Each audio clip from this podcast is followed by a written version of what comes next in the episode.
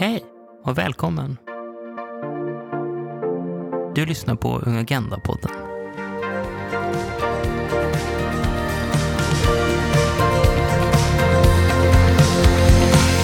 Hej och välkomna till Ung Agenda-podden. Jag heter Seinab och jag kommer vara programledare. Och idag så kommer det vara fokus på FN och då har vi med oss Sveriges ungdomsrepresentanter till FN i det här avsnittet. Vi ska prata om deras roller och hur det är att vara som ungdomsrepresentant och vad man gör som FN-rep. Så vem är du, Sofia? Jag heter Sofia Brännström och eh, är 25 år gammal. Jag har pluggat eh, statsvetenskap och eh, utvecklingsekonomi på universitetet och är en riktig samhällsnörd och har varit engagerad i civilsamhället i några år nu. Jag blev nominerad av Utrikespolitiska förbundet för den här rollen som ungdomsrepresentant i FN. Och med oss på länk så har vi Louise. Vem är du? Ja, hallå. Eh, jag är 26 år och uppvuxen i en liten stad som heter Tranås i Småland. Men numera så bor jag i Malmö och jag tar en master i folkhälsa. Mitt engagemang inom ungdomsrörelsen kommer från en organisation som heter Tamam. Och de jobbar med att stärka ungas makt och samhällsengagemang. Och det är också den här organisationen som jag är nominerad av för det här uppdraget. Och precis som Sofia så är jag också en riktig samhällsnörd. Eh, och när jag inte håller på med något av de här engagemangen så gillar jag att vara ute i skogen. Louise och Sofia, eftersom ni är FN-rappar så tänkte jag att vi nu börjar liksom med första frågan. Vem är era favoritaktivister? Min människorättsaktivistfavorit är en person som heter Elise Ottesen Jensen, eller Ottar som hon också ofta kallas. Eh, för hon var en av frontfigurerna i kampen för sexuella och reproduktiva rättigheter i Sverige under tidigt 1900-tal.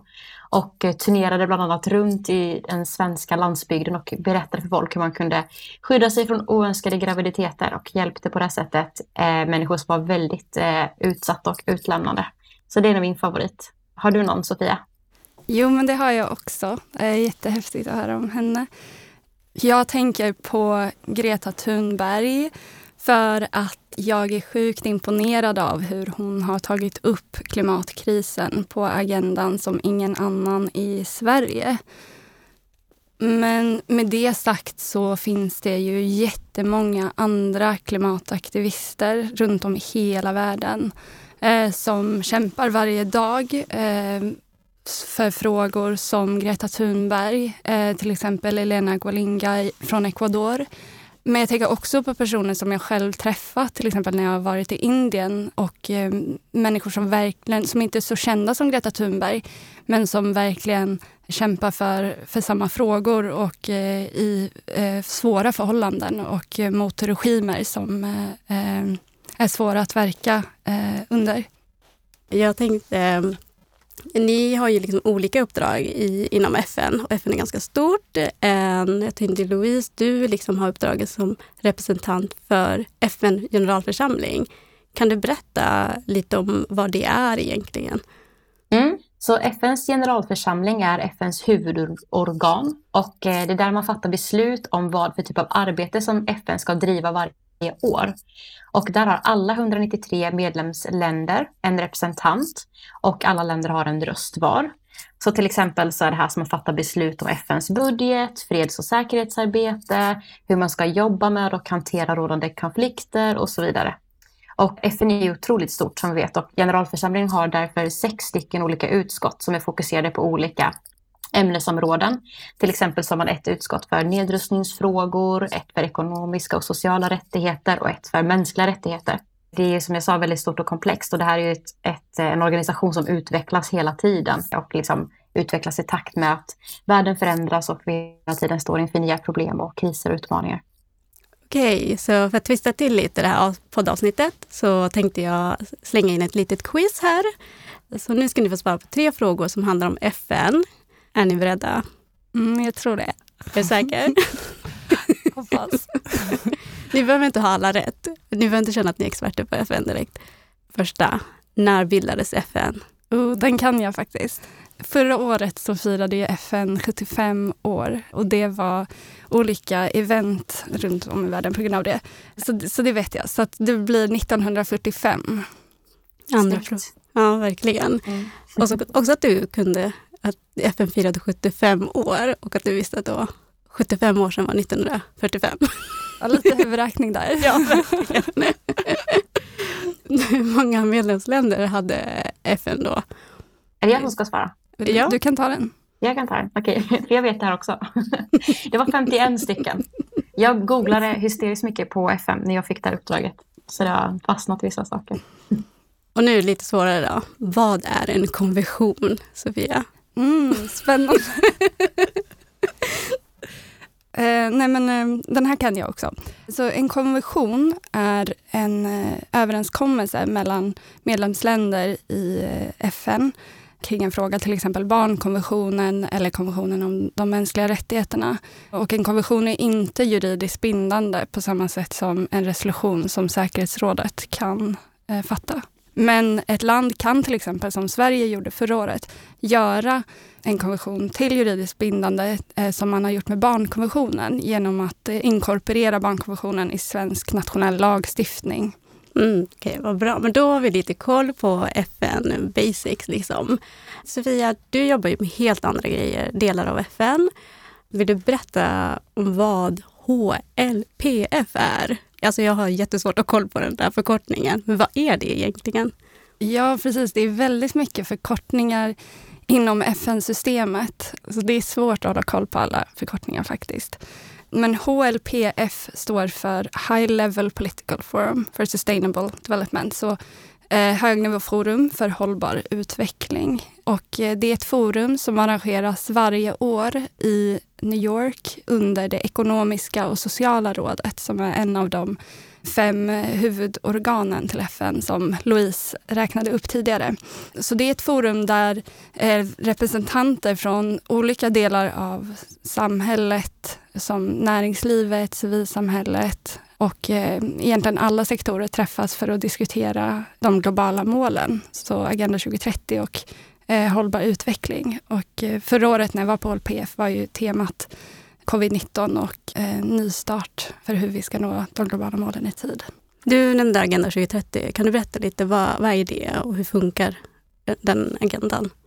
Mm, Agenda 2030 är 17 mål och 169 delmål som antogs 2015 och var en eh, följ, som följde efter millenniemålen. Och eh, det, det är en överenskommelse eh, kring eh, vart vi ska nå en vision framåt för världen. Har ni några favoritmål? Kan du börja Louise? Vad har du för favoritmål? Oj, ja, ehm, alltså mål ett som handlar om att utrota fattigdom är otroligt viktigt. Eh, och sen är jag helt insnöad på hälsa just nu och mål tre handlar om hälsa. Och sen har vi ett mål som handlar om internationellt samarbete och det är också otroligt tydligt hur viktigt det är att vi har globala samarbeten när vi har den här typen av problem vi har. Så det är svårt. Alla mål är ju absolut livsviktiga. Så det, jag vet inte, jag kan faktiskt inte välja en. Sofia, vad har du för favoritmål? Nej, men jag håller med dig, det är jättesvårt att välja ett mål. Men jag säger eh, mål 5 om jämställdhet och mål 10 om ojämlikhet. Just för att vi vet att eh, det kommer så många positiva effekter av att eh, höja kvinnors fördelning av makt och resurser och stärka kvinnor och minska ojämlikhet. Och vi vet att eh, det till exempel kan ha effekter på att bekämpa klimatförändringarna som är mål nummer 13 eh, eller mål nummer 15 om biologisk mångfald. Så att, att, att det på det sättet har de här målen väldigt mycket synergieffekter eller spillover-effekter på andra mål i agendan. Och därför är det mina favoritmål. Ehm, ett exempel på det, bara för att konkretisera vad jag menar, är till exempel att man vet att om man stärker kvinnor som eh, är småbrukare i Latinamerika, Afrika eller Asien till exempel, så skapar man också möjlighet för de kvinnorna att vara helt avgörande aktörer som kan implementera klimatsmarta alternativ och verka för att bekämpa klimatförändringarna. Eh, Så att det är helt avgörande att, att stärka jämställdheten. Ja, verkligen. Ehm, hur ser liksom arbetet ut för att ta fram en sån här global strategi för hållbar utveckling? Ja, men en sak som jag tycker kan vara viktig att nämna när man pratar om den här typen av globala mål som tas fram är också hur mycket arbetet utvecklas över tid. Många minns kanske då millenniemålen som också var en rad globala mål som togs fram. Men till skillnad från millenniemålen så har utformandet av Agenda 2030 varit mycket mer inkluderande på det sättet att det involverar hela världen och kräver att alla eh, världens länder jobbar för hållbarhet. Tidigare pratade man mycket om att ja, men den här delen av världen har problem så ni måste lösa dem. Men nu erkänner man liksom att det är ett globalt arbete som måste till.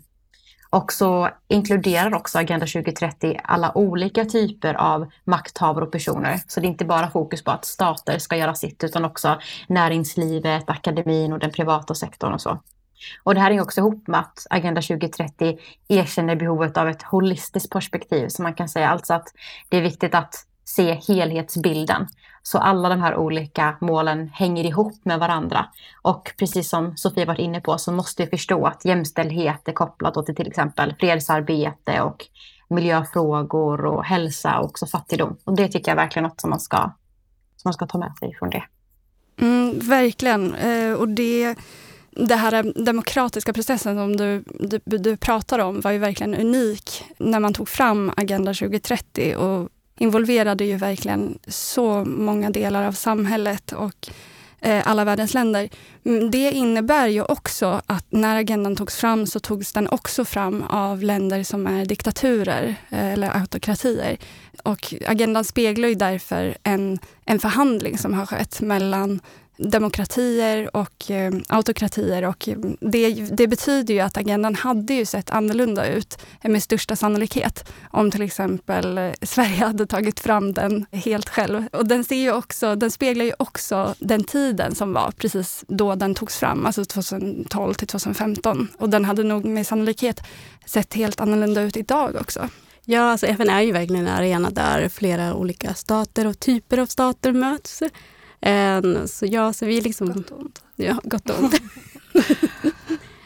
ja, vi har pratat lite grann om hur FN fungerar, hur ser arbetet ut?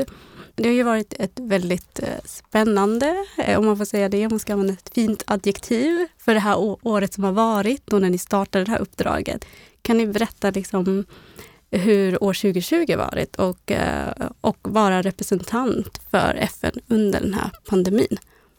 Ja, men det har ju varit ett, ett jättekonstigt år och faktiskt ett jättetråkigt år på många sätt. För att alla planer vi hade på olika konferenser och toppmöten som vi skulle delta på och representera Sveriges unga har ju blivit inställda eller flyttats till då olika digitala plattformar. Och det har varit en stor besvikelse och jag tror att det har varit extra liksom, svårt för oss för att vi var ju reppar när det här hände, eller ungdomsrepresentanter när det här hände. Så det fanns inte så bra strukturer och strategier för att liksom, hålla de här sakerna online. Eh, så det var inte alltid så jättelätt. Och speciellt svårt är det såklart när det handlar om så här stora internationella beslutsprocesser. Ja, precis. Um, och jag håller helt med dig Louise uh, om att det har varit ett jättespeciellt år. Ehm, um, FN samlades ju för första gången i juli helt digitalt. Eh, och jag var ju med och följde HLPF. Och det var ett väldigt stort fokus på eh, corona och på eh, hur nästan i alla, eller i alla indikationer på utveckling, hur, hur eh, världen går bakåt just nu och de svårigheter som, som finns. Och att följa forumet digitalt var väldigt speciellt i och med att eh, det inte var så tydligt hur till exempel talartiden skulle förmedlas mellan de olika länderna och alla som skulle få få göra sin röst hörd. Och som ungdomsdelegat så var det ju inte heller helt tydligt hur min roll skulle vara. Eh, om jag skulle få möjlighet att påverka och vara rådgivande eh, på samma sätt som eh, ungdomsdelegater tidigare år har haft möjlighet att vara när de har varit på plats i, i New York. Men med det sagt så var, jag tycker att den svenska delegationen som jag var en del av var väldigt organiserad i allt kanske de här otydliga, i att det var otydligt från hur, hur det skulle gå till. Men den svenska delegationen var, var ändå tydlig och vi hade ett väldigt tydligt fokus på att ingen ska lämnas utanför. Och under en session om att ingen ska lämnas utanför så fick jag då chansen att tala och hålla ett anförande. Och det var ju faktiskt, det var jättebra. Jag såg ditt anförande, tyckte du gjorde det bra. Men kan inte, du, kan inte du berätta lite hur det gick till? eh, den där dagen.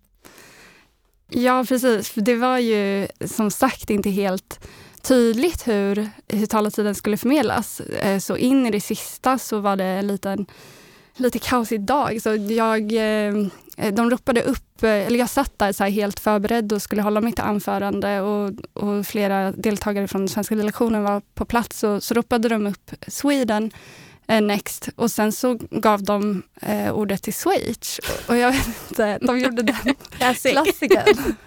och vi blev, vi var nej vad händer nu? Och eh, så, ja, så, så fick de ligga på och eh, till slut så fick eh, vi ordet igen då, eh, Sweden. Och då hade jag suttit väldigt länge och väntat på att eh, få tala, eh, ge input till det här. Så jag är väldigt glad för det. Mm.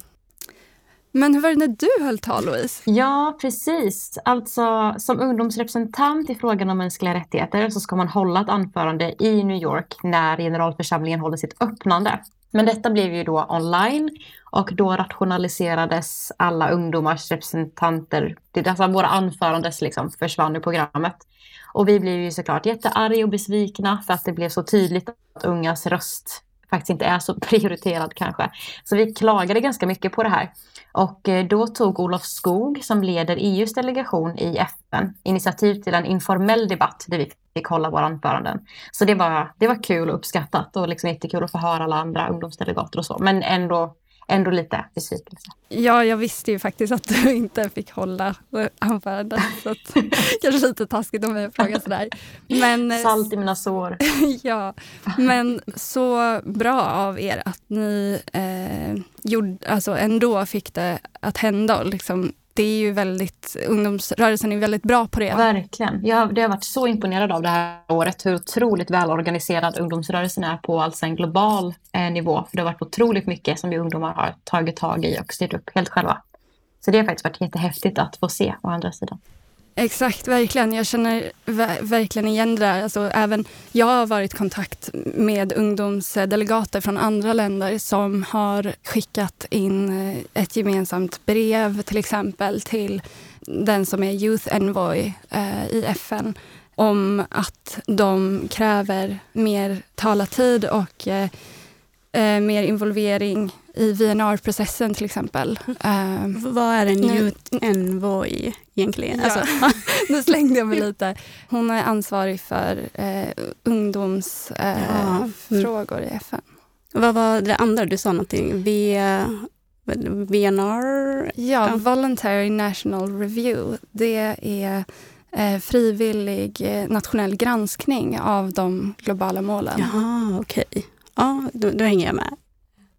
Men Louise, var det något som du var extra taggad på eh, som inte blev av under året på grund av pandemin?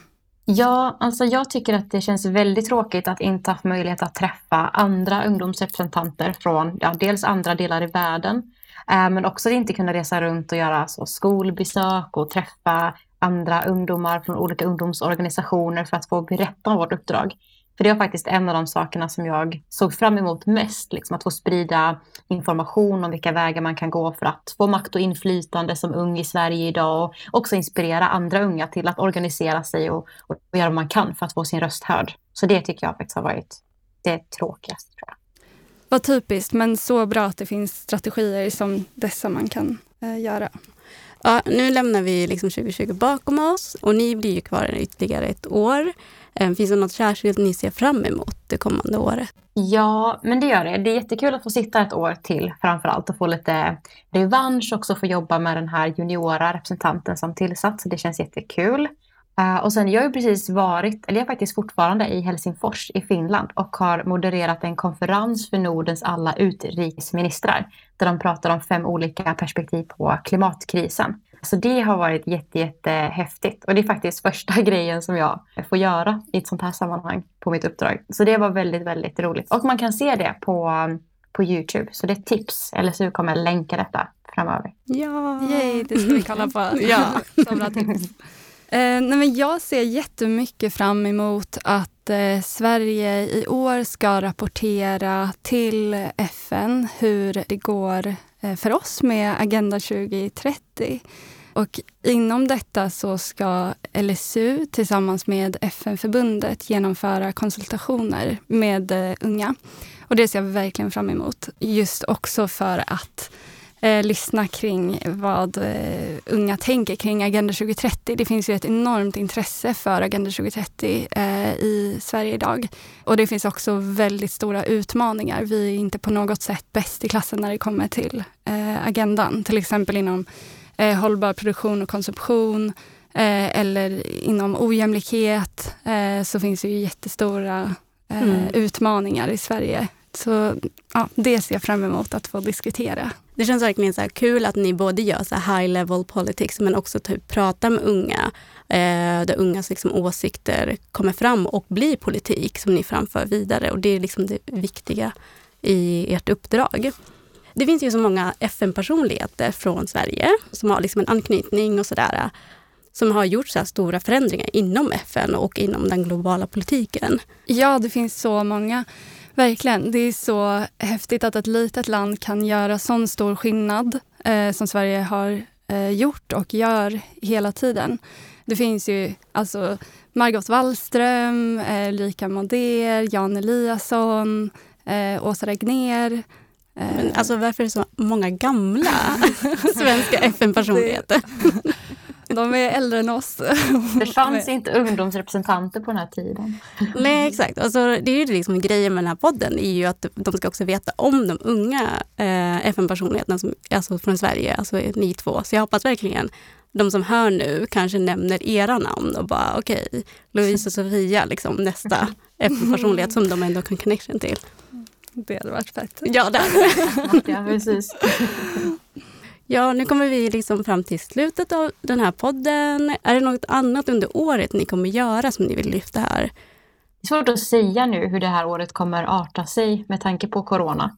Men jag jobbar till exempel på en skuggrapport som handlar om att granska hur Sverige jobbar med jämställdhetsarbete. Så det är en sån sak. Och sen tänker jag att vi får, vi får se. Alltså mycket saker på FN händer ju ändå, men online och i vilken utsträckning vi kommer få delta och sådär. Det är väl lite det får framtiden förutspå lite. Vad ska du göra Sofia? Jag ska bland annat vara med i mars på regionalt forum för hållbar utveckling som sker i Genève, men eh, jag ska vara med från Sverige då, digitalt. Och eh, jag ska också vara med under HLPF i juli i sommar.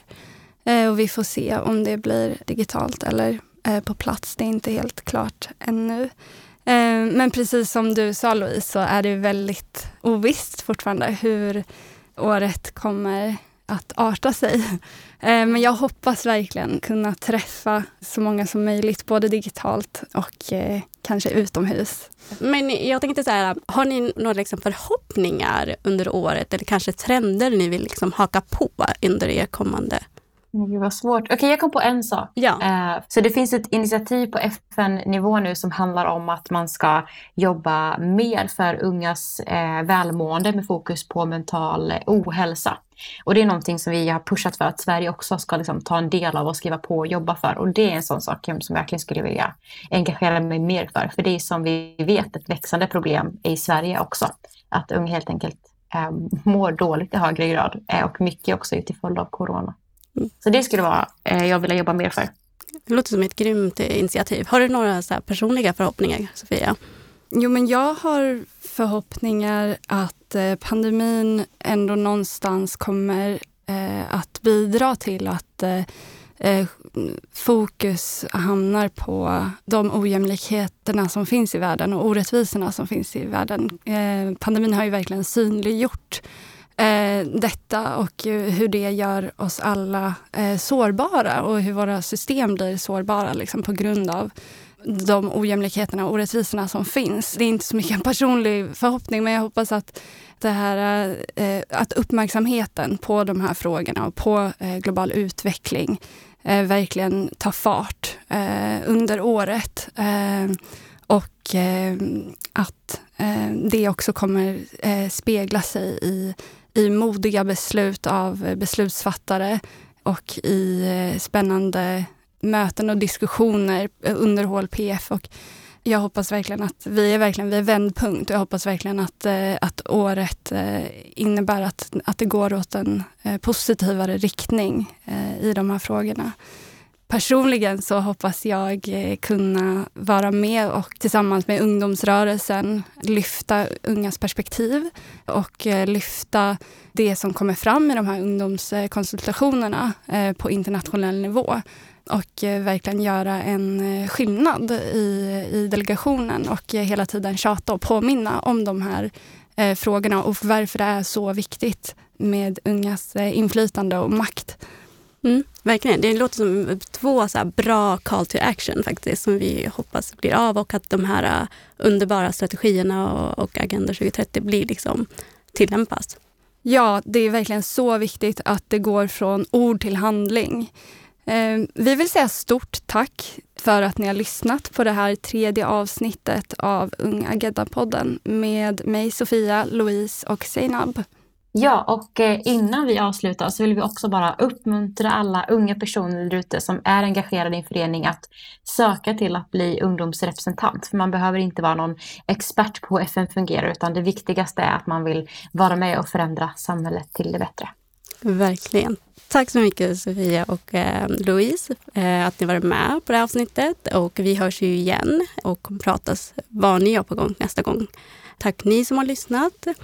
Och ni hittar ju den här podden där alla poddar finns. Och eh, om ni vill kontakta Louise och Sofia, höra mer liksom de här arbetena, så kan ni mejla dem på lsu.se. Ni hittar deras kontaktuppgifter där. Och nästa avsnitt kommer handla om EU och då är Elsie och Hanna tillbaka. Hej! Hej då!